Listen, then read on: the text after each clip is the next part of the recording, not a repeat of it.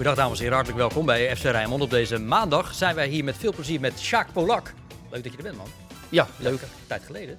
Dennis Kranenburg is er en uh, Robert Maaskant, dat is geen tijd geleden. Afgelopen maandag zat je hier nog bijvoorbeeld. Niet weg te slaan hier. Liefhebber, hè? Liefhebber, ja, precies. Uh, Sjaak, vijf jaar Excelsior gespeeld, drie jaar Sparta. Met welke club heb je de meeste binding? Uh, ja, kijk, Sparta, daar, daar, ben ik nog een aantal keren geweest. Excelsior nog niet al te vaak. Waarom eigenlijk niet? Ja, ik weet het ook eigenlijk niet. Ja, of, of het heeft met drukte te maken. Ik heb helemaal niet zo van, nee, ik ga niet meer naar Excelsior of zo. Dat, uh, dat is het niet. Maar je moet er ook tijd en, uh, en, ruimte voor hebben. Ja, maar daarmee geef je eigenlijk antwoord op de vraag. Dan heb je dus blijkbaar niet zoveel meer met Excelsior. Ik heb wel heel veel met Excelsior. En dat heb ik met alle clubs waar ik heb gespeeld. Dus wat dat betreft is daar geen rancune nee. helemaal niet. Hoe is het nee. met je gezondheid? Uh, ja, het gaat nu gelukkig goed. Uh, ja, anderhalve week op een donderdag nog in het ziekenhuis geweest. Ja, daar waren nog wat onderzoeken en die waren niet prettig. Maar daaruit is gebleken dat het niet is teruggekomen. Ja, even voor de duidelijkheid even uitleggen ook. Voor de mensen die dat niet hebben meegekregen. Een vorm van blaaskanker heb jij gehad. Ja, ja. ja. en uh, uiteindelijk uh, was het geen klein iets. Maar het was uh, ja, 3,5, 4 centimeter groot. Dus daar ben ik wel van geschrokken. Gelukkig, na alle chemo en, en gekkigheid, ja, zit ik hier weer. Ja. Ja, en, en mag ik dit uiteindelijk weer gaan doen en op het veld staan en alle leuke dingen. Dus alleen ja, ik moet oppassen, want je moet niet te veel gaan doen, hm. want dan uh, gaat het niet goed. Nee, nou doe dat dan ook maar vooral niet. Je bent ook nog trainer van de ADO Den Haag Vrouwen, ja, dus ja, gewoon een, een, baan erbij. Ja. Hoe gisteren er ook hè, vooruitlopend op deze uitzending aan denken. Gisteren in de 91e minuut bij Hertha BSC tegen Schalke 04 in de Bundesliga. De rentree van Jean-Paul Poetius. Een paar weken geleden tilbalkanker geconstateerd. Ja. Uh, en geholpen, positief geholpen en uh, gewoon nu alweer voetballen. Vond het ook snel. Ongelooflijk snel. Ja, ja ik, vind, ik vind het inderdaad heel snel. Want als je ja, Edwin de Graaf uh, als voorbeeld neemt, die is er toch wel even uit geweest. Ja. Ja, en als speler, ja, weet je, ieder mens herstelt heel snel. Ik weet niet wat voor procedures of protocollen ze in Duitsland hebben, dat weet ik niet. Misschien moeten ze hem wel een beetje duwen, want het, het kost anders een beetje veel geld, denk ik. Maar ik vind gezondheid gaat boven alles. Ja, natuurlijk. Maar hij zal zich prima voelen, anders ga je niet spelen, denk ik. Nee. We gaan lekker over het voetballen praten. Met jou, ja, Sjaak, met leuk. Dennis en met uh, Robert. Dennis, jij deed zaterdag verslag van uh, Feyenoord. En gisteren ja. van Excelsior. Ja. Waar zat je naar te kijken? Uh, nou ja, de eerste helft bij Feyenoord eigenlijk... ik bedoel eigenlijk Excelsior. Ja, vroeg ik me af, waar zitten we hier naar te kijken? Ja. Bij Excelsior was het eigenlijk wel heel erg leuk. Vooral dan de eerste helft wel, omdat de AZ in de tweede helft wel heel erg aan het drukken was, aan het zoeken was om daar ja, nog iets aan te doen. Aan die achterstand dan, hè, waar hebben we het dan over. Maar de eerste helft was gewoon hartstikke leuk. Excelsior hield het veld goed klein en wonnen heel veel tweede ballen. En in die omschakeling die daarna volgde, ja, was Excelsior gewoon heel doeltreffend. Met het prachtige doelpunt van Azarkan, die trouwens sowieso een goede wedstrijd speelde. Met ook de vrije trap die hij natuurlijk nam, waardoor Horremans de bal binnen kon koppen. Ja, het was hartstikke leuk. En wat wel mooi was, als Dijkhuizen dan na afloop aangeeft van... we hebben vorige week die wedstrijd van Feyenoord bij AZ goed bekeken. Ja, en beter goed gejat dan slecht bedacht. Ja. Dat bleek. Vond je nou uh, de goal van Azarkan, die 1-0, mooier dan de assist van Lamproe? Een moeilijke vraag, man. uh, nou, ik ga toch wel voor de goal in dit ja? geval. Ja. ja. Ik vond het wel fenomenale paas hoor, van die, van die Lamproe. Ja, was het, was het ook. Zo'n halve kick. Ja. Nou, praten zo meteen nog wel even door over... Hij gaf ook aan, ja, sorry, dat, ja? hij gaf ook aan dat hij um, eigenlijk de bal wil, meer wilde tjoepen, zoals hij dat zelf ook zei. Hij wilde hem meer tjoepen, maar hij raakte hem niet helemaal lekker, als hij kan. Wat is tjoepen, Sjaak? Ja, tjoepen is eigenlijk meer een, een, een lop geven. Niet echt een stift, maar meer eroverheen lepelen. Maar uh, joh, dat interesseert hem toch dus als, dus als jij tube, dan zeg ik YouTube. Nou, dat niet. Misschien komt het erna op YouTube. Maar nee, maar goed. Het is gewoon een fenomenale goal. Uh, gewoon een van de beste spelers die daar, die daar aanwezig is. Hij wel 90 minuten gaan spelen. Als ik kan. kan. Ja. ja. Daar is hij dan blijkbaar fysiek tot nog niet helemaal toe in staat. Ja, blijkbaar niet. Nee. Maar het is wel zo, als, als ik kan in goede doen is, is Excelsior in goede doen. Hij kan wat extra's geven. Ja. En uh, ja, hier zit ook een, uh, een uh, ja, veruit ervaren trainer. Wie bedoel je precies? Robert Maaskant. Oh, okay. Ja, ik niet. Ik, ik ben pas net begonnen. Dus ja, luister, ik, ik zie ook wel dingen. Maar als je, als je, als je kan ziet, ja, dat is gewoon echt een, een speler waarvoor je naar het stadion komt. Zeker. Robert, dan verliest AZ dus bij Excelsior. PSV verliest. Ja. Feyenoord heeft gewonnen van Twente. Gewonnen van AZ. En dan spelen ze gelijk tegen Fortuna Sittard. Is dat dan weer typisch Feyenoord? Nou, dat weet, dat weet ik niet. Ik, wat, wat ik wel heel moeilijk vond, is dat je... eh, iedereen deed heel krampachtig over die, die, die, die 12 uit 4, hè. Eh, Nou, krampachtig. en- die, dat, men Nou, nee, rekende zich al rijk. De, buiten, de buitenwereld die riep natuurlijk allemaal van... oh, kijk even een programma. Overigens heeft Twente nagenoeg hetzelfde programma. Eh, maar dan wordt de tempering vanuit de club zelf wordt al een beetje gebracht. Ja, rustig, we moeten eerst winnen. Dan zegt, daar zegt iedereen weer over... jeetje zeg, we, we zijn wel heel behoudend allemaal. En prompt speel je gelijk tegen Fortuna Sittard. En Fortuna heeft gewoon stiekem een, een eh, hele goede individuele ploeg. Je hebt heel veel individuele spelers die gewoon heel goed kunnen voetballen. En die hebben het geloof gekregen na precies zo'nzelfde serie als Feyenoord nu krijgt... tegen de wat kleinere clubs uit de rechterrij, waar ze succes tegen gehad hebben. Nou, als jij drie, vier weken succes achter elkaar hebt, dan voel je je ook sterker. Nou, en dat, eh, dat kwam wel boven. ja, Wat ook meespeelt is dat Feyenoord natuurlijk ook gewoon dramatisch speelt in die eerste helft. Ja, nee, d- absoluut. Eh, eh, is Simanski op de vleugel zetten? Is dat verkeerd? het is een beetje noodgedwongen, denk ik. Ja, ik zie het Hoezo? zo- Er is een batterij aan vleugelspelers bij Feyenoord. Ja. maar, is, maar is het ook niet zo dat Fortuna gewoon goed verdedigd heeft in de eerste helft?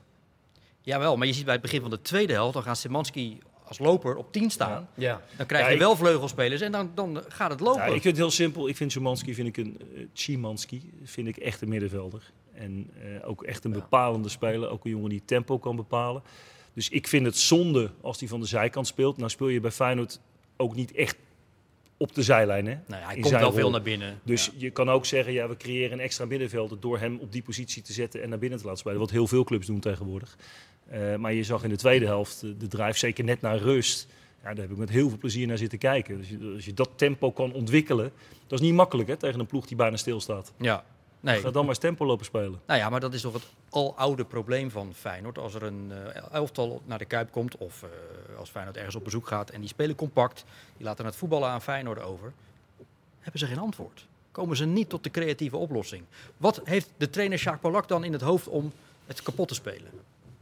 Ja, eh, het begint denk ik bij zelf tempo maken. Maar wat, wat Robert terecht aangeeft, als je een ploeg voor je hebt staan die alleen maar blijft staan, die niet hapt, ja, die niet van links naar rechts beweegt, ja, dan zou je toch tussen de linies heel creatief moeten zijn.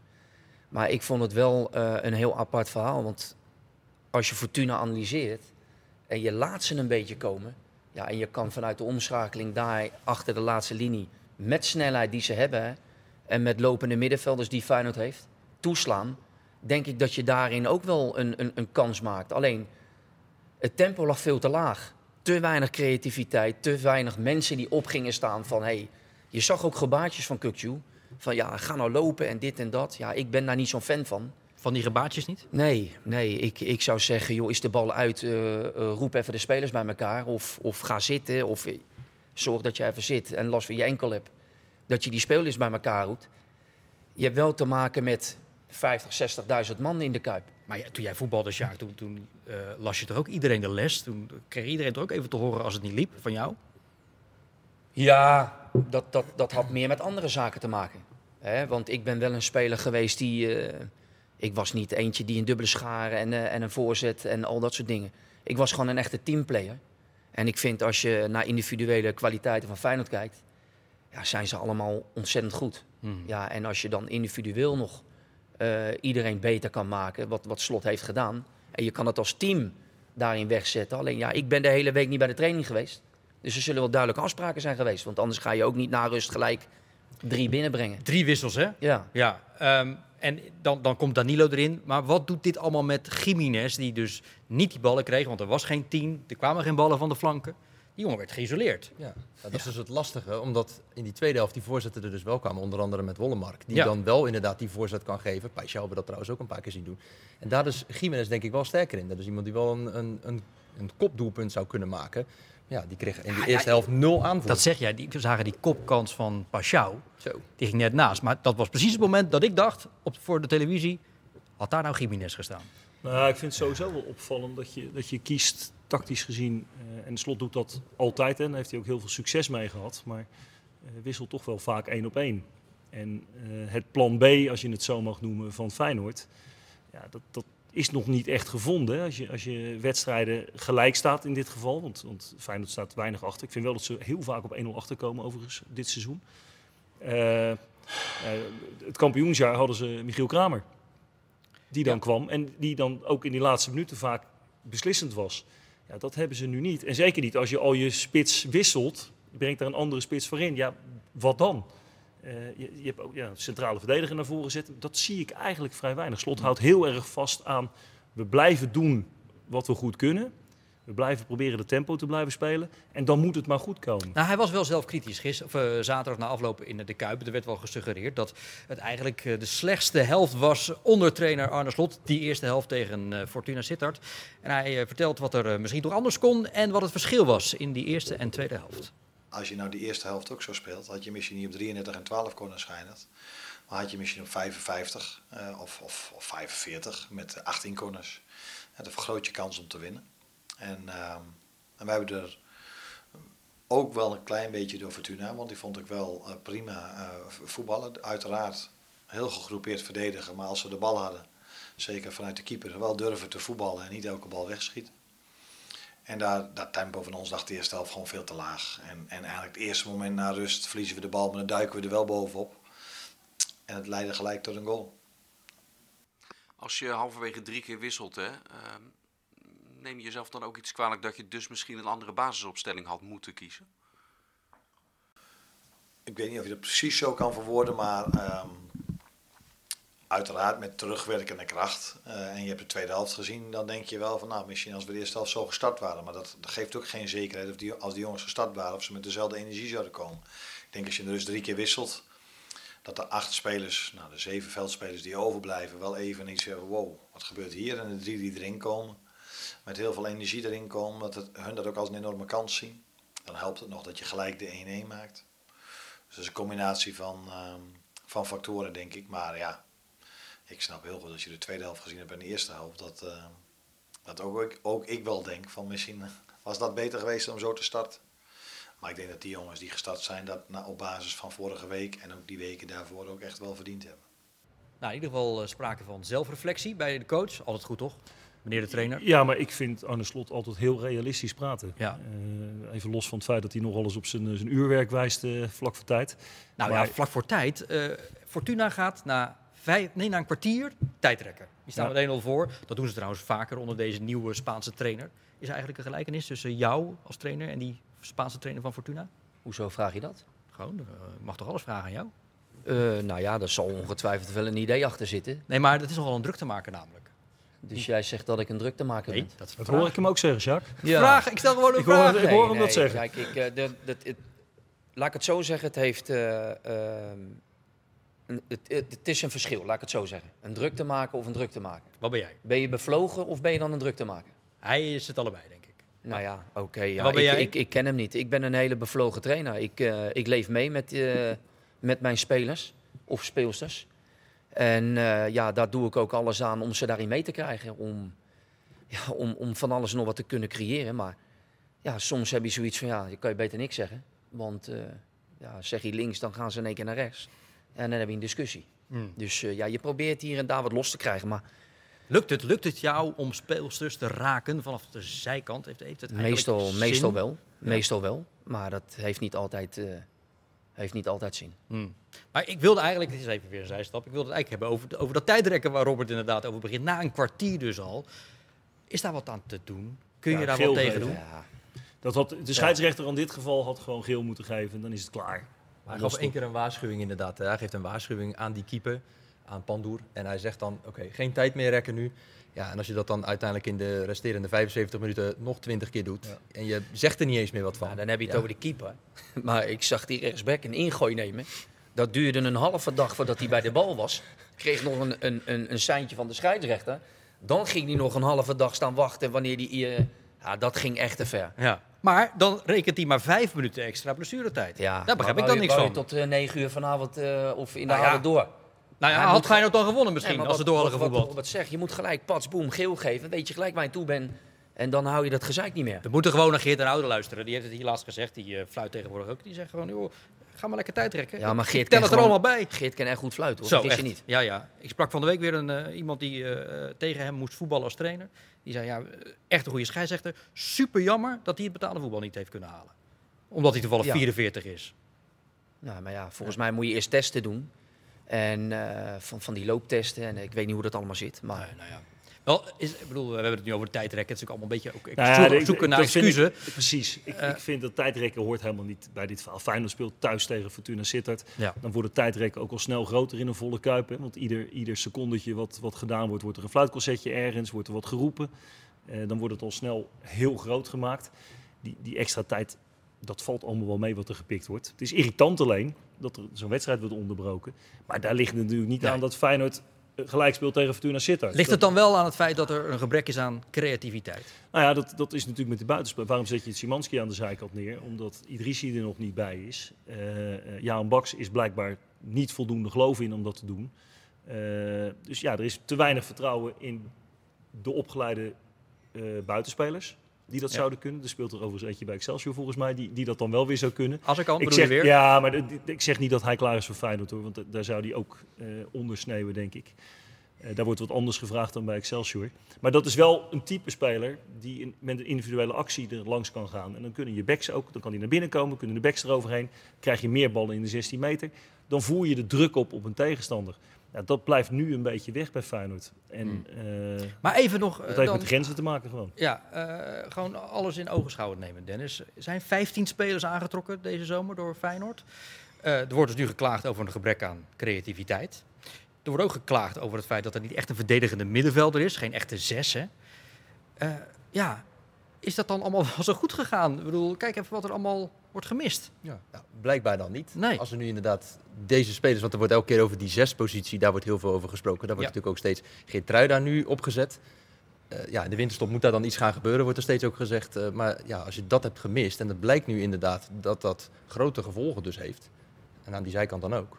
Ja, daarom willen niet ze goed die gegaan. speler van Twente halen. Is een rookie. Ja. Ja. Ja, maar dan wordt het wel een heel interessant middenveld hè. Vertel. Ja. Szymanski, Nou, Timber en Zerouki. ja, dat, kan niet. Er kunnen er Of maar drie hebben, staan, denk of ik. hebben we er dan één te veel? Dan hebben we er één te veel. ja. Nee, maar dat bedoel ik dus. Ja, ja. Dus, Maar zo eh, werkt het toch bij een topclub. Nee, eh, absoluut. Maar dan ga je geen 40 miljoen voor uitgeven. Maar is Wiever hier dan nog niet klaar voor in wedstrijden tegen Fortuna? Wiever heeft het bij Excelsior toch laten zien op die positie goed uit de voeten te kunnen. Kijk, Geertruida was vroeger in de jeugd, speelde die daar. Als rechtsback, met de ruimte die hij kan belopen, maakt hij ook nog wel eens een goal. En nou zaterdag tegen Fortuna, hij probeert het een paar keer met afstandsschoten. nee, dan dat is is, het nog minder. dat is niet de ideale zes voor Feyenoord. En ik denk ook inderdaad dat hij als rechtsback of centrale verdediger ook beter is. Dan komt hij ook beter tot zijn recht. Eh, ja, ik denk dat Timber daar wel zou kunnen spelen. Ik denk zelfs dat daar zou kunnen spelen. Dat is natuurlijk niet een, een, een, een, eh, een bijtertje in de vorm van een echte zes. Maar spelbepalend wel. Dat is Seruki natuurlijk ook. Hè. Seruki is natuurlijk ook niet echt een Hij balafpakker. ook als zes een paar keer de bal halen. Nee, Waardoor precies. hij Dan kom, uiteindelijk dan kom je er wel aan het voetballen toe. Ja. En dan kan je variëren met je. Maar ik vind dat slot wel varieert op zijn middenveld ook. Dat is niet echt heel standaard van we staan zo en zo blijven we staan. Nee, er zit wel heel veel beweging in dat middenveld juist. Eh, en ze proberen het ook vaak centraal te houden en daarna pas naar de zijkant te gaan. Want het zit ook echt wel in de filosofie van Arne. Eh, ja, ten aanzien van aankoopbeleid, nogmaals, er zijn grenzen geweest. Op een gegeven moment stopt het een keer. Ze zijn bij Twente geweest voor zijn rookie. Ja, daar hebben ze van gezegd, dit gaan we gewoon simpelweg niet betalen. Punt. Nou, daar kan ik wel, eh, daar kan ik wel inkomen. Oké. Ehm Sjaak, afgelopen vrijdag zat hier eh, Michiel Kramer. En Ja. die zei, nadat eh, eh, Justin Bijlo geselecteerd is in de voorselectie voor het Nederlands elftal richting het WK, toen zei hij, die Bijlo, dat wordt gewoon de eerste keeper van Oranje. Denk jij dat ook? Weet ik niet. Ja, ik, eh, ik ben de bondscoach niet. En, eh, nou, dat is een kwestie van tijd, denk ik. Nou ja, tijd. Ik, ik denk dat ik dat eh, niet gaat worden. Maar goed, je, weet nooit. Maar ja, ik, ik vind het een, een hele talentvolle keeper. Hij heeft niet zijn beste seizoen tot nu toe gehad. Maar iedere, iedere speler, keeper, heeft wel eens een, een, een, een knik in zijn vorm. Maar laten we nou gewoon even rustig doen. Hè? Want iedereen die kan lopen scheven over. Want keeper is gewoon een apart vak. Want dan ben je ook een beetje knijtergek. Want als ze op 7 meter eh, van je af met 100 kilometer puur op je snavel schieten. Ja, dan ben je niet helemaal 100 om op die goal te gaan staan. Het is gewoon een moeilijk vak. Ja, en we hebben echt wel goede keepers in Nederland. Alleen, ja, we hebben altijd maar weer een mening en, en dingen. Maar we zullen wel zien. Ja, we zullen wel zien. Maar Als het dan Sillissen wordt of Bijlo? Waar gaan Nou, jullie voor? hij beter Sillissen, denk ik. komt. Sillissen denk ik niet. Wie dan wel? Nou ja, eh, het zal denk ik tussen, eh, tussen Pasveer en, eh en Bijlo gaan. Dan zie je wel dat Bijlo meer in zijn oude vorm begint te komen. Hè. Hoge ballen komt hij weer eh, meer uit. Meer overtuiging ook heerst in zijn eigen Ja. vijf meter gebied. Ja, en als je dan kijkt naar Pasveer, afgelopen wedstrijden, toch wel een aantal foutjes eh, gemaakt. Ja, als je dan kijkt van de ene die begint wat foutjes te maken, de andere die komt beter in zijn oude vorm terecht. Ja, zou ik dan wel eh, weten voor wie ik zou kiezen. Daar komt nog eens bij maar dat ik denk dat de enige vraag hier, eh, hier ligt, dat is bij Frans Hoek. En die heeft er verstand van. Die heeft er heel erg veel verstand van, ja. Je zelf ook hoor. ja. Van keepers, hè? Ja, ja. ja. Ook van vrouwenkeepers? Eh, dat weet ik niet. Dat weet ik niet. Oh. Eh, Wat, wat, wat zal Justin Bijlo eigenlijk zelf verwachten? We konden het hem eens vragen. Zijn kansen eh, bij het Nederlands elftal richting het WK. Niks. Ik ga gewoon ja, heel makkelijk zeggen, keihard mijn best doen bij de club en ik wil presteren bij de club. En als je dat doet, dan, eh, dan zit je er vanzelf bij. Dus eh, wat ik zeg, ik focus gewoon op Feyenoord. En als ik dat goed is, dan eh, ga ik hopelijk mee naar Qatar. Heb jij nog, eh, is er nog contact richting jou geweest vanuit Frans Hoek of vanuit Louis van Gaal? Je bent die weken natuurlijk bij het Nederlands elftal toen ook geweest. Ik heb je sindsdien niet meer gesproken. Dus even daarover, hoe was die week en is er nu de laatste tijd nog contact geweest? Eh, nee, de laatste tijd is, ik denk gewoon dat ze ons laten focussen op de club natuurlijk. En eh, ja, die dag daar was gewoon prima natuurlijk. Eh, ja, alle kleine beetjes helpen. Als, eh, dus eh, ja, dat was een prima dag. En, eh, maar wat ik zeg, ik hoop dat ik er over twee, drie weken bij zit. Nou ja, aan, aan Bijlo de taak om nog vijf wedstrijden te vlammen voor Feyenoord. En dan eh, komt hij misschien wel op eh, pole position richting het eh, WK. Bijlo een product uit de eigen jeugd. Eh, zaterdag in de Kuip. Bij een 1-1 stand. In een eh, ja, tijd waarin er jeugdspelers niet zo heel vaak de kans krijgen bij Feyenoord. Komt daar ineens Noah Najoeks in het veld. Ja. Vanwaar toch die keuze? Die jongen heeft alleen tegen Vitesse even Ja. ingevallen. Het was uiteindelijk de enige aanvallende, aanvallend ingestelde speler die er nog op de bank zat naast Jaan Baks. Maar ja, als je de hele voorhoede al hebt gewisseld, ga je niet nog een keer dan eentje eruit halen en dan Jaan Baks nog voor die laatste 10 minuten erin brengen. Dus dat was eigenlijk de enige optie eh, aanvallend gezien die er nog bij zou kunnen. Vraag je dan wel af waar dan bijvoorbeeld Boujou ervoor ook is gehaald. Dan, Die ja, speelde bij Jong Feyenoord. Ja. Althans onder 21. ja, die moet daar dan zijn eh, minuten gaan maken. Ze willen dat hij meer inhoud krijgt, hè, dat hij eh, ja, langer gaat spelen. Dus meer 90 minuten gaat spelen bij Jong, zodat hij dadelijk langer mee kan bij, eh, bij het eerste. Eh, aan de andere kant, als je 10 minuutjes invalt, ja, denk je dat je daar ook wel iets aan hebt als spelen. Ja, maar het is bij- niet met je bij eens. Jong 21 Nee. of onder 21, nee? Nee, ik vind, ik, dat vind ik juist wel heel sterk van Feyenoord. Dat ze een, een opleidingstraject maken voor een speler. En zeggen, wij vinden dat jij inhoud tekort komt. Mhm. Die inhoud doe je alleen maar op door 90 minuten te spelen. Zeker. En dan heb je niks aan 10 minuten in het eerste elftal. Waardoor je daarna in een heel ander programma terechtkomt. Andere trainingsminuten niet kan maken. Maar waarom wilde het dan Dan zaterdag, beter- terwijl Feyenoord nog op jacht was naar de overwinning? Ja, maar goed, je gaat de dag van tevoren ga je er niet vanuit dat je gelijk speelt. Of dat je 10 minuten Nee, nog ze- 1-1 tegen Fortuna staat. Nee, maar ze brengen hem. Ze, Ja, brengen dat- nauwelijks jeugdspelers dit seizoen. Ik denk dat hij echt wel had gehoopt op een bevlieging van hem. Dat hij zoiets heeft van, nou oké, als de bal rond de 16 daartussen valt, dat hij hem binnenschiet. Hm. Maar ja, wat Robert terecht zegt, Feyenoord is wel een club die wel zijn jongens naar voren brengt. Maar er zit inderdaad een, een, een visie achter. Ja, en dat heeft allemaal, tegenwoordig hebben al die clubs data-analysten, fysieke trainers. En ze gaan die jongen gewoon brengen op een, op een rustige manier. En iedereen, ja, waarom brengen ze hem? Ja, A, waarschijnlijk door een bevlieging. En B, ja, eh, als jij hem dadelijk tegen Ajax moet gaan brengen. eh, waar uiteindelijk al een beetje eh, een, een clash komt. Supporters die nog even een tandje harder schreeuwen. Ja, ik weet niet of die jongen dan onder de indruk raakt. Hmm. Dus ze proberen hem wel daarin ja, rustiger te brengen. Nee, nee ik, ik vind dat het vraagteken eerder li- ligt bij Jiménez eruit halen al in de rust. Eh, omdat je dan dus Ja. je stormram kwijt bent. Ja, daar had je denk ik langer mee kunnen wachten. Hoewel het, die wissel uitstekend uitpakte na de rust. Hè? Want eh, ze speelden natuurlijk een veel hoger tempo, veel meer druk erop. Ja, maar daar kon Jiménez niks aan doen. nee, precies. veel meer Nee, voetbal, dus dat- veel dat- meer aanvoer. Nee, dus je Ja. moet dan je afvragen van ja, heb je, een, heb je inderdaad het plan B of C dat je ook nog naar die, die tweespitsen variant kan om ze naast elkaar te laten spelen. Ja. Ja. Zeker met een Szymanski vanaf de linkerkant. Maar goed, dat veranderde natuurlijk naar rust. Ja. Eh, maar ja, er zijn wel wat opties en daar zal ook slot over nadenken, denk ik. Van, ja, hoe kunnen we die puzzel leggen? Vond ze ook wel veel risico nemen hoor. Want als Boerik gewoon die laatste bal nog, eh, nog binnenschiet, dan heb je helemaal niks. Ja, en dan denk ik dat het helemaal een fluitconcert wordt. Ja. Het weekend Dus- loopt natuurlijk aardig af, omdat ook Ja. AZ verliest. Ja, Ja. dus eh, ja, en PSV. ja. En PSV. En Ja. eh, Twente nou net niet, trouwens. Nee. Maar dat had ook nog gekund. zo. Dat was een heel raar weekend geweest. Online, jongens, praten we zo meteen eh, uitgebreid door over Feyenoord. Eén vraag nog even. Wat staat Feyenoord donderdag te wachten in Oostenrijk in de Europa League? Nou ja, ik denk een tegenstander die tot op het bot gemotiveerd is om A, die 6-0 van eh, de wedstrijd hier in Rotterdam eh, recht te zetten. Ja. En we moeten ook niet vergeten dat ja, wij hopen natuurlijk dat Feyenoord wint en dat ze uiteindelijk een lange verblijf in Europa bij kunnen gaan schrijven. Aan de andere kant geldt dat natuurlijk ook voor Sturm, Graz. Zij willen ook eh, voor hun laatste kans knokken. Dus ik denk dat dat dan best wel eens een, eh, een heet avondje kan En ik worden. vind Sturm Graz echt een andere elftal thuis. Ja. Ik heb ze twee wedstrijden gezien, eh, eh, live. En, niet, niet in het stadion, maar op tv.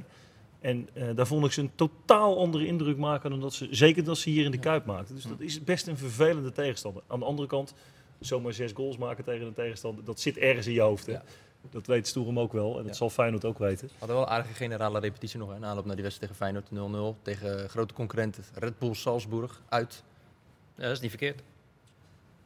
Een, eh, een generale tegen Fortuna 1-1 en toch een eh, stuk minder. minder. Goed. Nee, geen met minder vertrouwen. Hoe kwam het dat een eh, eigenlijk Peter Sparta zo verloor van een minder FC Utrecht? Eh, ja, da- dan, dan moet ik je heel een klein beetje het antwoord schuldig blijven, omdat ik in een eh, andere live-uitzending zit. Dus de- deze wedstrijd niet live heb gezien, die heb ik in samenvatting gezien. Mhm. Maar ook in de samenvatting eh, klopt het wat je zegt, ook ten aanzien van het aantal kansen. Ja, dat is het vervelende van voetbal. Dat kan af en toe zo lopen. En helemaal als je dan al in redelijk vroeg een goal tegenkrijgt, dan hik je daar tegenaan. En Sparta is natuurlijk eh, goed dit jaar. Zijn creatief jaar. Volgens mij, Guzman deed niet mee, dacht ik. Nee, Dat die scheelt- raakte geblesseerd in dat de warming-up. scheelt echt een stuk Ja. voor ze. Nou ja, maar mag je daar naar kijken? Ik bedoel, ze hebben een enorme hoeveelheid nee, middenveld, dus de selectie is echt Nee, breed. daar, mag je, daar mag je naar kijken. Sterker nog, daar moet je naar kijken. Want eh, in een uitwedstrijd bij, eh, bij FC Utrecht is dat gewoon een hele belangrijke speler. Hm. Met zijn ervaring, met zijn rust. Die En maar ze zeggen altijd bij Sparta, Robert, van ja, we hebben zoveel goede middenvelders. Het maakt niet uit wie we opstellen. Nee, we roleren en eh, we dat worden zou, er nooit Dat zou ik slechter ook van. zeggen als ik trainer van Sparta was. Of, Ja, maar heeft hij misschien toch ook wel gelijk in normaal gesproken. Het zijn toch goede spelers? Nee, maar dat zeg je ook naar je spelers toe. Hm. Maar uiteindelijk, eh, als jij een ideaalplaatje maakt, zet je de Guzman neer. Ja. En dat, die kon nu niet spelen.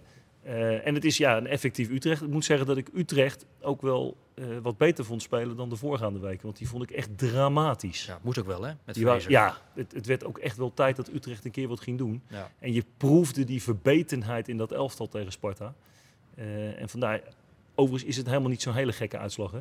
Als, je Utrecht, als je Sparta naar Utrecht toe gaat, dat Utrecht zou winnen. Zeker. 25 jaar volgens mij niet gewonnen. hè? Precies. Ja. Ja. Maar goed, eh, Sparta krijgt zowel in de eerste helft vroeg een goal tegen en in de tweede helft vroeg een goal tegen. Is dat dan gewoon een gebrek aan scherpte? Nou, scherpte, daar heeft het altijd mee te maken. Maar met name van hoe sta je en hoe dek je. Want Allebei kopballen. ja, kijk, die andere, dat is, dat is een afstandsschot van Kleiber, die, Ja. waar een klein zwabbertje in zit. Maar waarom doet Olijn niks? Die, die, die, die staat stokstijf nou ja, de Olij vind ik gewoon een geweldige keeper. Laat Jawel. dat duidelijk zijn. Maar ja, wat ik, eh, kijk, ik ben er niet live bij geweest, wel, wel gezien. Mhm. Maar ik had het idee, en dat had ik met Robert ook nog over eh, voor, eh, voor bij de redactie. Je ziet hem een gebaar maken of een beweging naar de bal. En misschien dacht hij van oké, hij gaat hem raken. Ja, en uiteindelijk liet hij hem gaan. Ja, en toen moest hij hem uiteindelijk nog ja, raken. Maar dat, wat, dat, ja. Het zag er knullig uit. Ja, Ja, maar dat vond ik, dat vond Ja. ik beide keren Awassar ook. Die was volgens mij ook niet gelukkig met zijn, eh, met zijn eigen ingrepen. Het- het- Nee. De eerste goal natuurlijk die, eh, die bij de tweede paal valt. Ja. waar het niet helemaal vrij uitgaat. En de, de, was de tweede goal, eh, die, eh, waar ze in een zone staan. Doefikas. Ja. En daar denk ik dat eh Awazar reageert op Redan die voor hem komt. En dat is ook eigenlijk zijn taak in dat geval.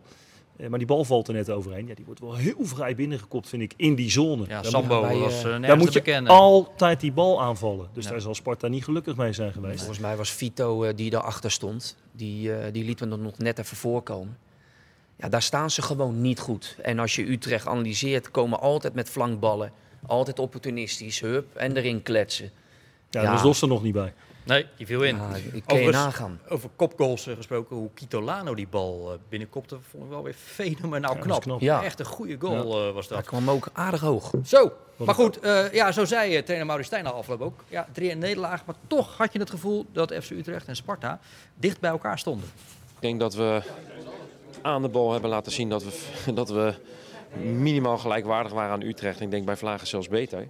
Alleen het gaat natuurlijk in het voetbal om uh, doelpunten te maken en doelpunten te voorkomen. En ik denk met name in het laatste ja, dat Utrecht er alles aan deed om deze wedstrijd te winnen. En ja, dat wij natuurlijk binnen vier minuten achterstaan, binnen in de, in de 46e minuut een doelpunt tegenkrijgen. Dus ja, dan mis je in mijn optiek de echte wil om, uh, om deze wedstrijd over de streep te trekken. Ja, van de eerste twee goals ook nog wel redelijk op elkaar lijken. Een voorzet die over alles en iedereen heen zeilt. Tweede paal kunnen ze eigenlijk nog redelijk eenvoudig binnenkoppen. Ja, dat vond ik ook. En uh, daar hebben ook de spelers voor gewaarschuwd dat dat een, uh, een, kracht van Utrecht is. Zeker die beginfase moet je goed doorkomen. En uh, nou, dat hebben we gewoon niet goed gedaan. dat, dat is sneu, want je laat wel zien dat je aan de bal heel behoorlijk kunt spelen. Vandaag ook weer, je creëert kansen. Maar het echte venijn zat er vandaag niet in, had ik het idee. Ja, dat was uh, Stijn. Uh, nadat die uh, goal werd afgekeurd bij Sparta van Van Krooi, omdat Laurits een hens had gemaakt, ging Stijn even bij uh, scheidsrechter Nijhuis langs van hey, hoe zit dat nou precies? waarom is die goal afgekeurd? En na afloop van de wedstrijd, toen Stijn geel ook had gehad in het duel, is Stijn ook nog de kleedkamer van Nijhuis ingegaan om, om verhaal te halen. Doe jij dat wel eens? Ga je wel eens bij de scheidsrechter naar binnen na afloop? Nee, niet naar binnen, want dat, dat heeft geen zin en dan ja, dan staan ze je aan te staren. Dan ga je alleen maar kwaaier worden, denk ik. Maar je hebt wel je vraagtekens soms. Uh, zeker bij de vierde man, waar staat hij dan voor? Maar... Ik heb het wel een keer andersom gehad. Vertel. Uh, Bossen floot zijn laatste wedstrijd. De scheidsrechters, als ze een ja, laatste wedstrijd Bossen, fluiten, dan mogen ze een wedstrijd aanvragen. Hij begint op de zucht. Dus dat was uh, nee, PSV Groningen. En van Bommel scoort voor rust. Maar Bossen die liep echt bijna arm in arm terug. Dus ik riep vanaf de kant. Ik zeg, joh, geef hem een zoen. en, en, toen kwam hij... En dat was vlak voor rust. Dus die kwam echt laaiend achter me aan. En ik dacht, ik deed of ik hem niet zag. Dus ik liep gewoon de kleedkamer in. Terwijl die, ik wist dat hij achter me aan het briesen was. En toen kwam hij de kleedkamer en ik pleurde die deur dicht. En ik hield die deur dicht. En toen stond hij aan die deur te trekken. toen ben ik wel later naar hem toe gelopen. Van ik zeg, ja, wat is er nou aan de hand? En toen stuurde hij me ook weg, oh. terecht, waar ik overigens keurig niks van vrijgesproken werd. Maar uh, ja, dat was wel een leuk, uh, leuk inzet. Overigens ja. een prima vent. Uh. Oké. Okay. Ja. Jongens, dan echt daar... veel voor kreeg, hè, trouwens. Omdat ik zag een paar overtredingen ook in die wedstrijd. En Nijhuis die dan zegt, ja, het valt wel mee. Nee, ja, nou, hij liep nu ineens te wapperen met gele kaarten, Nijhuis. Ja. Gisteren, krankzinnig. Maar goed, ik wil naar de sensatie van het weekend, jongens. Excelsior dat uh, van AZ Excelsior. Je zit er lekker in hoor. 2-1 winst. En dat uh, na een voorsprong van 2-0 halverwege. En dat was, jij was erbij. Hartstikke verdiend toch? Ja, die eerste helft was Excelsior gewoon, deden het gewoon echt heel goed. Hè? Ik zei net ook inderdaad, veld goed klein houden. Wachten op het juiste moment. En als dan inderdaad het duel komt, je wint die tweede bal, probeer gelijk vooruit te spelen. Waar dan Azarkan bijvoorbeeld van profiteert. Nou, je komt al heel vroeg op een 1-0 voorsprong. Dat speelt natuurlijk ook wel, uh, spreekt ook in je voordeel als je dan inderdaad al vroeg mm. voorkomt. In de tweede helft komt Excelsior ook een paar keer goed weg. Want AZ ging wel met z'n allen proberen om nog overleven. Het was echt overleven. Ja. Maar ja, daar heb je altijd nog uh, de muur van Kralingen, zoals ik hem maar heb Niet normaal, die Stijn van Gassel, jongens, die keeper.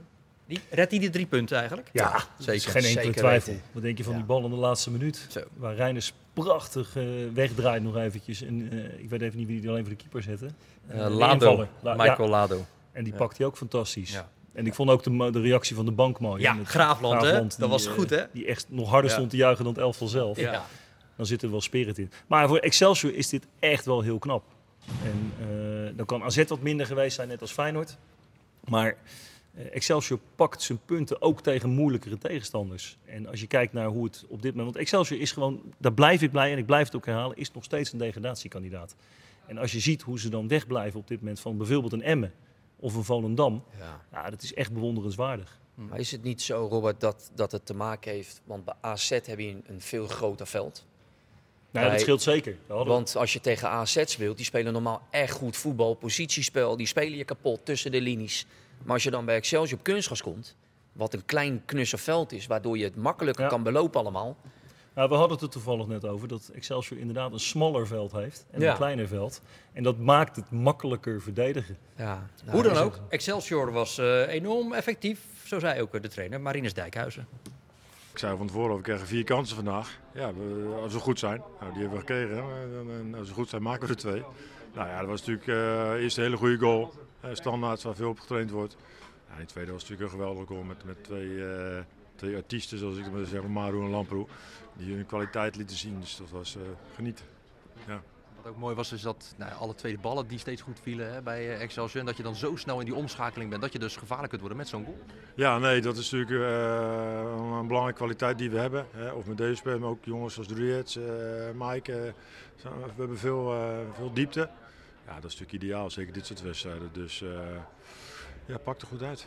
Waar je denk ik ook blij mee bent, is de muur van Kraling heb ik hem maar omgedoopt, hè? Stijn van Gassel. Ja, die, dat was natuurlijk een hoogtepunt. In, in, uh, was denk ik al in, in de bestuurdertijd dat hij die, die bal pakt. Heel agressief naar voren verdedigend. Uh, dus ja, dat is de ontwikkeling van, van Stijn van Gassel. Uh, ja, dat is knap. Dat is ook een compliment aan Graafland wat dat betreft. Hoe, ja, dat is heel mooi om te zien. En dat, ja, dat helpt je aan, aan twee, twee extra punten eigenlijk. Ja, maar al met al natuurlijk gewoon ontzettend knap wat Excelsior gisteren flikt. En volgens mij, want we horen Dijkhuizen, de focus lag wel op het verdedigen. Maar ze durfden ook te voetballen en aan te vallen als dat kon. Ja, maar dat moet hè. Je, ja. je moet tegen... Maar je moet het ook durven. Nee, dat klopt. Maar ze hebben natuurlijk een les gehad bij Ajax. Oh. Uh, waar, waar het, uh, die, nou, die keuze hebben ze tactisch ook direct afgeschreven na een helft. Dat gaan we niet meer doen. Uh, en dan moet je gebruik gaan maken van de mensen die je hebt. En of je nou tegen Ajax speelt, of tegen AZ speelt, of tegen Feyenoord speelt, de, de, topclubs, of tegen PSV. Je krijgt altijd wel een paar kansen. Ja, vier zijn we Dijkhuizen Nou, precies. En ja. Dijkhuizen zei terecht van, nou ja, eh, als er dan een paar ballen van invliegen, dan heb je het uitstekend gedaan. Ja. En dat veld, dat het, ik zeg het veld is smaller, dat klopt. Maar dat is natuurlijk niet per se de reden. Excelsior heeft gewoon hartstikke goed verdedigd daar. En uh, Sjaak, Robert zegt net, ik vind ze toch nog degradatiekandidaat. Vind jij dat ook? Uh, ik zei in het begin ja, maar toch twijfel ik. En waarom? Uh, omdat ik ze toch aardig voetbal win spelen. Uh, met heel veel lef en bravoer. ja, ook wel een beetje ja, dat ik zeg van ja, ben je niet een beetje naïef? Hè? Want je moet wel je punten halen. Maar ze staan gewoon keurig netjes elfde, dacht ik. Zoiets. En, tiende. Of tiende. Ja, nou, Utrecht ging eroverheen. Ja, ja ik, ik vind het gewoon echt ook leuk om naar te kijken. Ja. En uh, ja, Dijkhuis, uh, ja, alle credits, die heeft het goed voor elkaar. Weet je wat ook? Uh, nee, sorry, ik ga het Ja, nee, nee, het is wel mooi dat je, oh. dat je volgens mij Sparta-Utrecht is twee punt verschil. Waarbij we Sparta ongelooflijk ophemelen. Met, dat doen het fantastisch. En waarbij we Utrecht volledig afmaken in, in de landelijke pers. Dat die een dramatisch seizoen hebben. Dat is twee punt verschil. Ja, maar kijk even hoeveel Utrecht heeft uitgegeven de afgelopen zomer. En, en Sparta, als je alle begrotingen naast elkaar gaat leggen. En dan is het voor Excelsior heel bijzonder dat ze in die middenmoot staan. Zeker. Maar je zag het ook ergens in een podcast voorbij komen of een programma. Sparta gaat dusdanig goed. Ja, dan komt er in één keer van, uh, ja, dan komt er Europees voetbal. En dan komt, dan komt, wat je dus net al zei, er komt andere dingen bij kijken. Hoe ga je om met de druk? Ja, bij Stijn is die druk daar niet.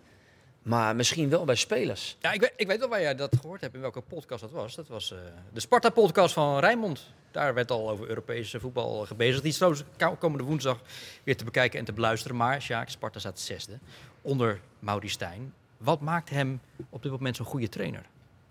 Je kent hem vast goed. Ik ken hem uh, goed. Uh, ik heb hem ook een, een tijdje gevolgd als trainer. maar hij is heel duidelijk naar zijn spelers. Hij heeft een, uh, een hele duidelijke visie hoe hij wil gaan spelen. En uh, ja, past ook enorm goed bij de club Sparta.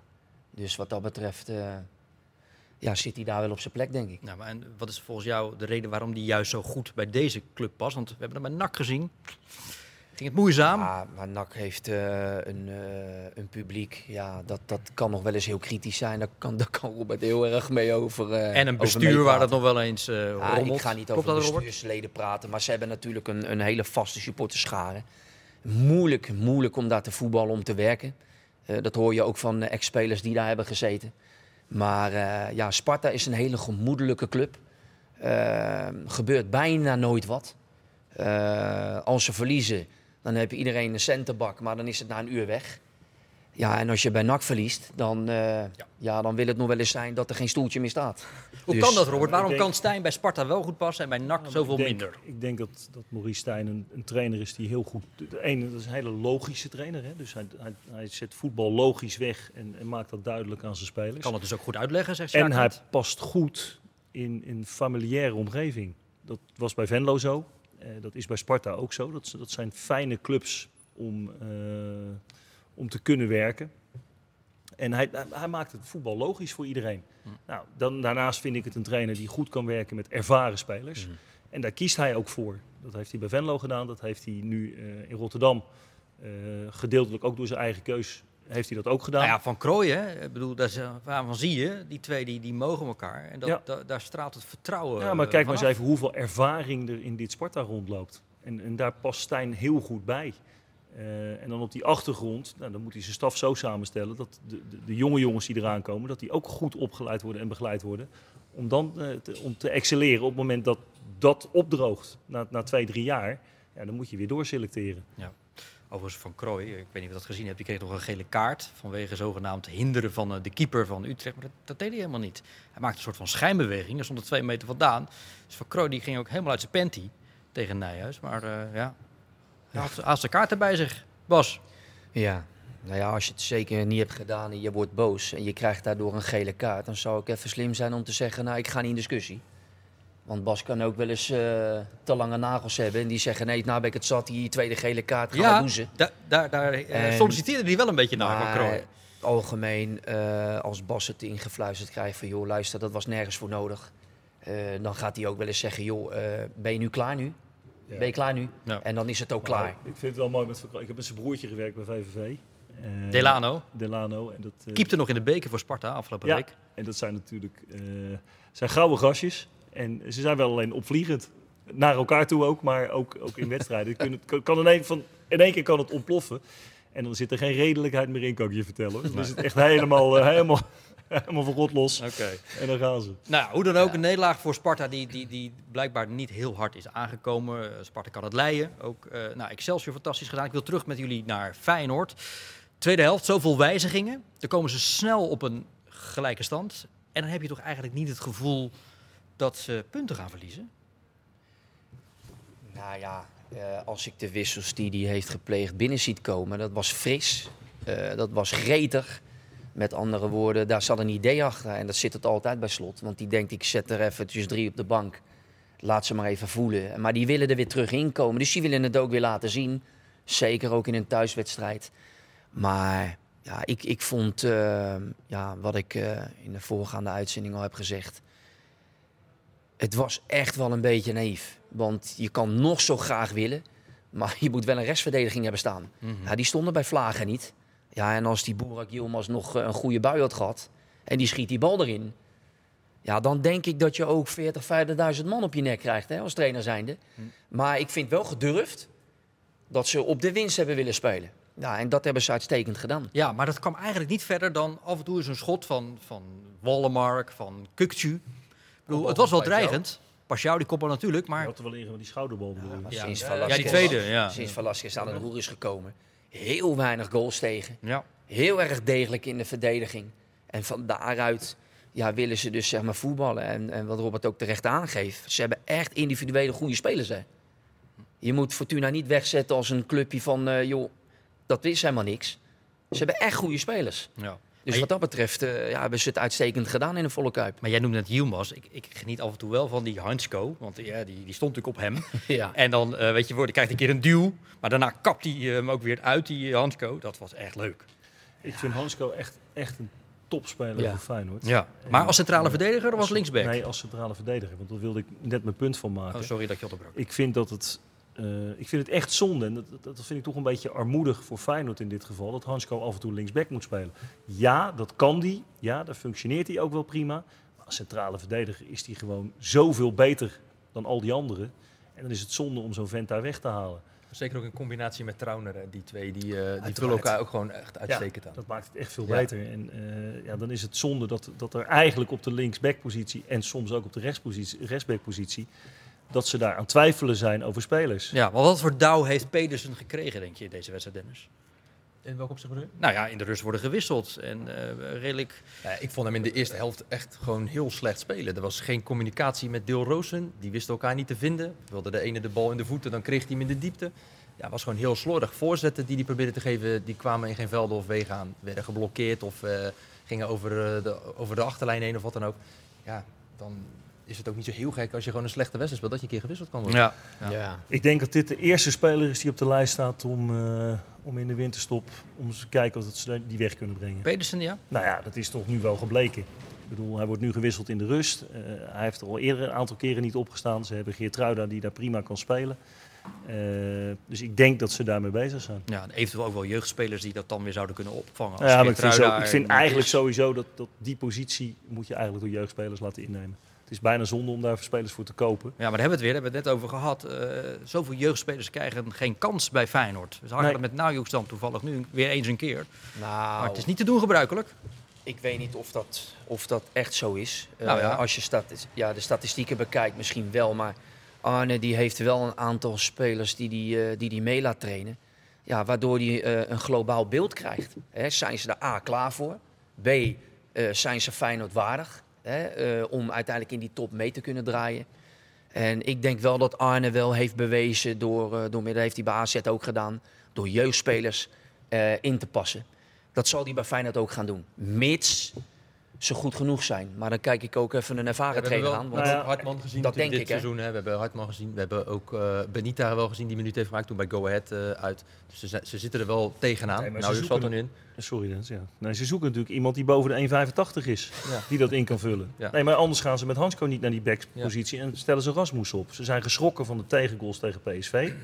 Nou, wat ga je dan doen? Dan ga je kijken, oké, als wij uh, corners vrij trappen tegenkrijgen, zijn we kwetsbaar. klein, ja. Kwetsbaar. Dus we gaan daar kijken of we iemand neer kunnen zetten. En daarvoor ga je schuiven. Want de enige manier voor Fortuna, hadden ze waarschijnlijk verwacht, is de dode momenten. Nou, dan zetten ze Rasmus erbij en, en Hansko. Uh, maar als jij een back hebt die ook nog eens een keer lengte heeft of heel goed in de lucht is, of een middenvelder die ook nog... Kuksje heeft natuurlijk ook geen lengte. Nee. is ook geen kopper. Kuksje creëerde wel negen kansen in uh, de wedstrijd ja. uh, zaten. Dat is echt wel heel veel. Maar je ziet dat hij ook wel echt wel de regisseur is bij dit Feyenoord. Hij laat zich heel vaak terugzakken. Ballen gaan naar hem, zodat hij het spel weer kan verplaatsen. Maar toch heb ik bij, bij, bij Kukcu het geval dat hij toch... Een, hij, heeft, hij is nu aanvoerder geworden. Uh, ik denk dat hij te veel op zijn schouders neemt. Hij is ook pas 21. Ja, dat, dat vergeten we nog wel eens. Maar ik denk dat hij toch uh, heel Feyenoord op zijn schouders wil nemen. En denkt van, nou, uh, nu gaan we het even... Dat denk ik.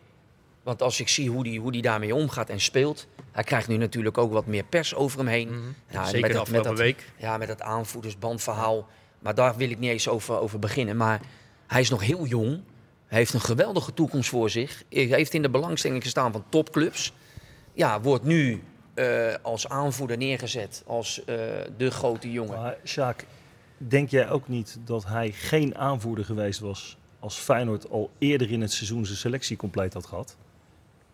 Ik denk ook dat het een beetje een keuze is geweest. Het is een jongen die Nederlands spreekt. Uh, ja. Een jongen die... Uh, uh, de selectie was nog niet compleet. Ze wisten niet precies wie er zouden komen, ja of nee. Hij is international. International, maar inderdaad ja. nog echt jong. Ik, ik denk als, als een Hansko misschien wel eerder was geweest... of andere spelers, dat daar misschien de band wel naartoe was gegaan. En dat... doe, doe, ik niks af aan hem, hè? want ik, ik nee. vind ook dat hij gisteren dat hij heel goed speelde. En dat hij zich ook heel goed revancheerde van alle kritiek die hij gehad heeft. Dat was 100% waar. Is ja. het ook niet goed ben juist ik om, een, eens. om een jeugdspeler juist ook aanvoerder te maken? Iemand die je zelf hebt opgeleid, door laat stromen, jong is, misschien heel veel geld op moet gaan brengen. Die als aanvoerder nee, misschien nog meer opbrengt. Kijk, als je ja, dat vanuit dat, marketingperspectief, maar dat lijkt me heel sterk dat een club daar al mee bezig is geweest. dat hebben ze toen ook met Wijnaldum toen gedaan, toch? Die hebben ze toen ook even aanvoerder gemaakt en die ging ook naar PSV. Zou kunnen. We komen langzaam tot een uh, afronding, maar niet voordat ik nog even met jou over je huidige baan heb gesproken. Hoe gaat het bij uh, de ADO vrouwen? Uh, qua resultaten gaat het wat minder. Vijfde nu? Ja, ja. Feyenoord koploper? Dat ook, dat ook. Maar we hebben in ieder geval alle topploegen bijna gehad. Maar dat uh, neemt niet weg dat wij gewoon goed voetbal spelen. Alleen uh, ja, in de eindfase schort het er wel eens aan. Mm. Maar we zijn druk aan het werk. We gaan ermee aan de slag. Wat is jouw stip aan de horizon? Wat wil je laten worden als je groot bent? Nou, gewoon mezelf blijven en gezond blijven. Ja, dat vind dat ik het allerbelangrijkste. Daar hebben we het aan het begin van deze uitzending over gehad, inderdaad. Maar als ja. het gaat om het voetballen? Nou ja, ik wil gewoon uh, uh, in het betaalde voetbal assistent zijn. Uh, of worden of kans krijgen. Door jonge, talentvolle, waar we het net over gehad hebben, die Feyenoord ook heeft. Om die wat dichter bij de hoofdtrainer te brengen. En door ze ook individueel aan te pakken. Door ook de kneepjes van ja, ik ben zelf ook speler geweest. Het is niet altijd makkelijk. Mm -hmm. Een trainer heeft altijd heel veel keuzes. Nou, hoe zit je mentaal uh, in elkaar? Nou, daar kan ik ze heel erg goed bij helpen, denk ik. Maar je zegt als assistent-trainer, waarom zou je dat niet als hoofdtrainer willen worden? Nou, omdat ik eerst de kneepjes van het vak wil leren. Kijk, uh, ik heb daar met Robert ook wel eens over gehad. En is hoofdtrainer bij de vrouwen daar niet voldoende voor? Nou ja, uh, daar begint het al mee. Maar dan, als je hoofdtrainer bent, je kan het aan Robert vragen. Die heeft bij grote clubs gewerkt. Ook in de Eredivisie, maar ook in het buitenland. je krijgt een heleboel op je af. Je hebt te maken met eh, eh, eigenaren, je krijgt te maken met aandeelhouders, je krijgt te maken met mensen die zeggen, ja, hij moet wel spelen, want... Ja, weet je, je krijgt met alles en nog wat te maken. En dat, dat, daar heb ik gewoon te weinig kaas van Mm. gegeten. Alleen je krijgt er in één keer wel mee te maken. Ja, en daar moet je klaar voor zijn. Ja, ik denk niet dat je dat 1, 2, 3 even leert. Eh, ook niet op een cursus. Zeker niet. Dat moet je ervaren. Ja, en, en ik denk dat daar eh, heel veel bij mij eh, ja, groei in zit en rek in zit. Alleen ja, je moet de kans krijgen. En, eh, Het ontbeert je in ieder geval niet aan zelfkennis. En dat is al een groot goed, denk ik. Dus ga daar vooral mee door. Veel succes. Ja, Bovendien bij de ADO-vrouwen. En het allerbelangrijkste is, blijf in vredesnaam gezond. Ja man, dat is het belangrijkste. Absoluut, dankjewel. Zeker. Jacques gedaan. Dennis Kranenburg en eh, Robert Maaskant weer eh, zeer veel dank. Tot een eh, volgende keer weer. We zijn er met Rijnmond. Ja, nu ben ik helemaal aan beeld. Natuurlijk weer komende woensdag met de Sparta-podcast. Kunt u dan overal weer bekijken en beluisteren. Donderdag op de radio zijn we er als Feyenoord gaat spelen in de Europa League tegen Stoomkaas. Om er dan op vrijdag aan deze tafel weer over na te praten. Dus graag tot een van die gelegenheden. En voor nu een goede week. Dag.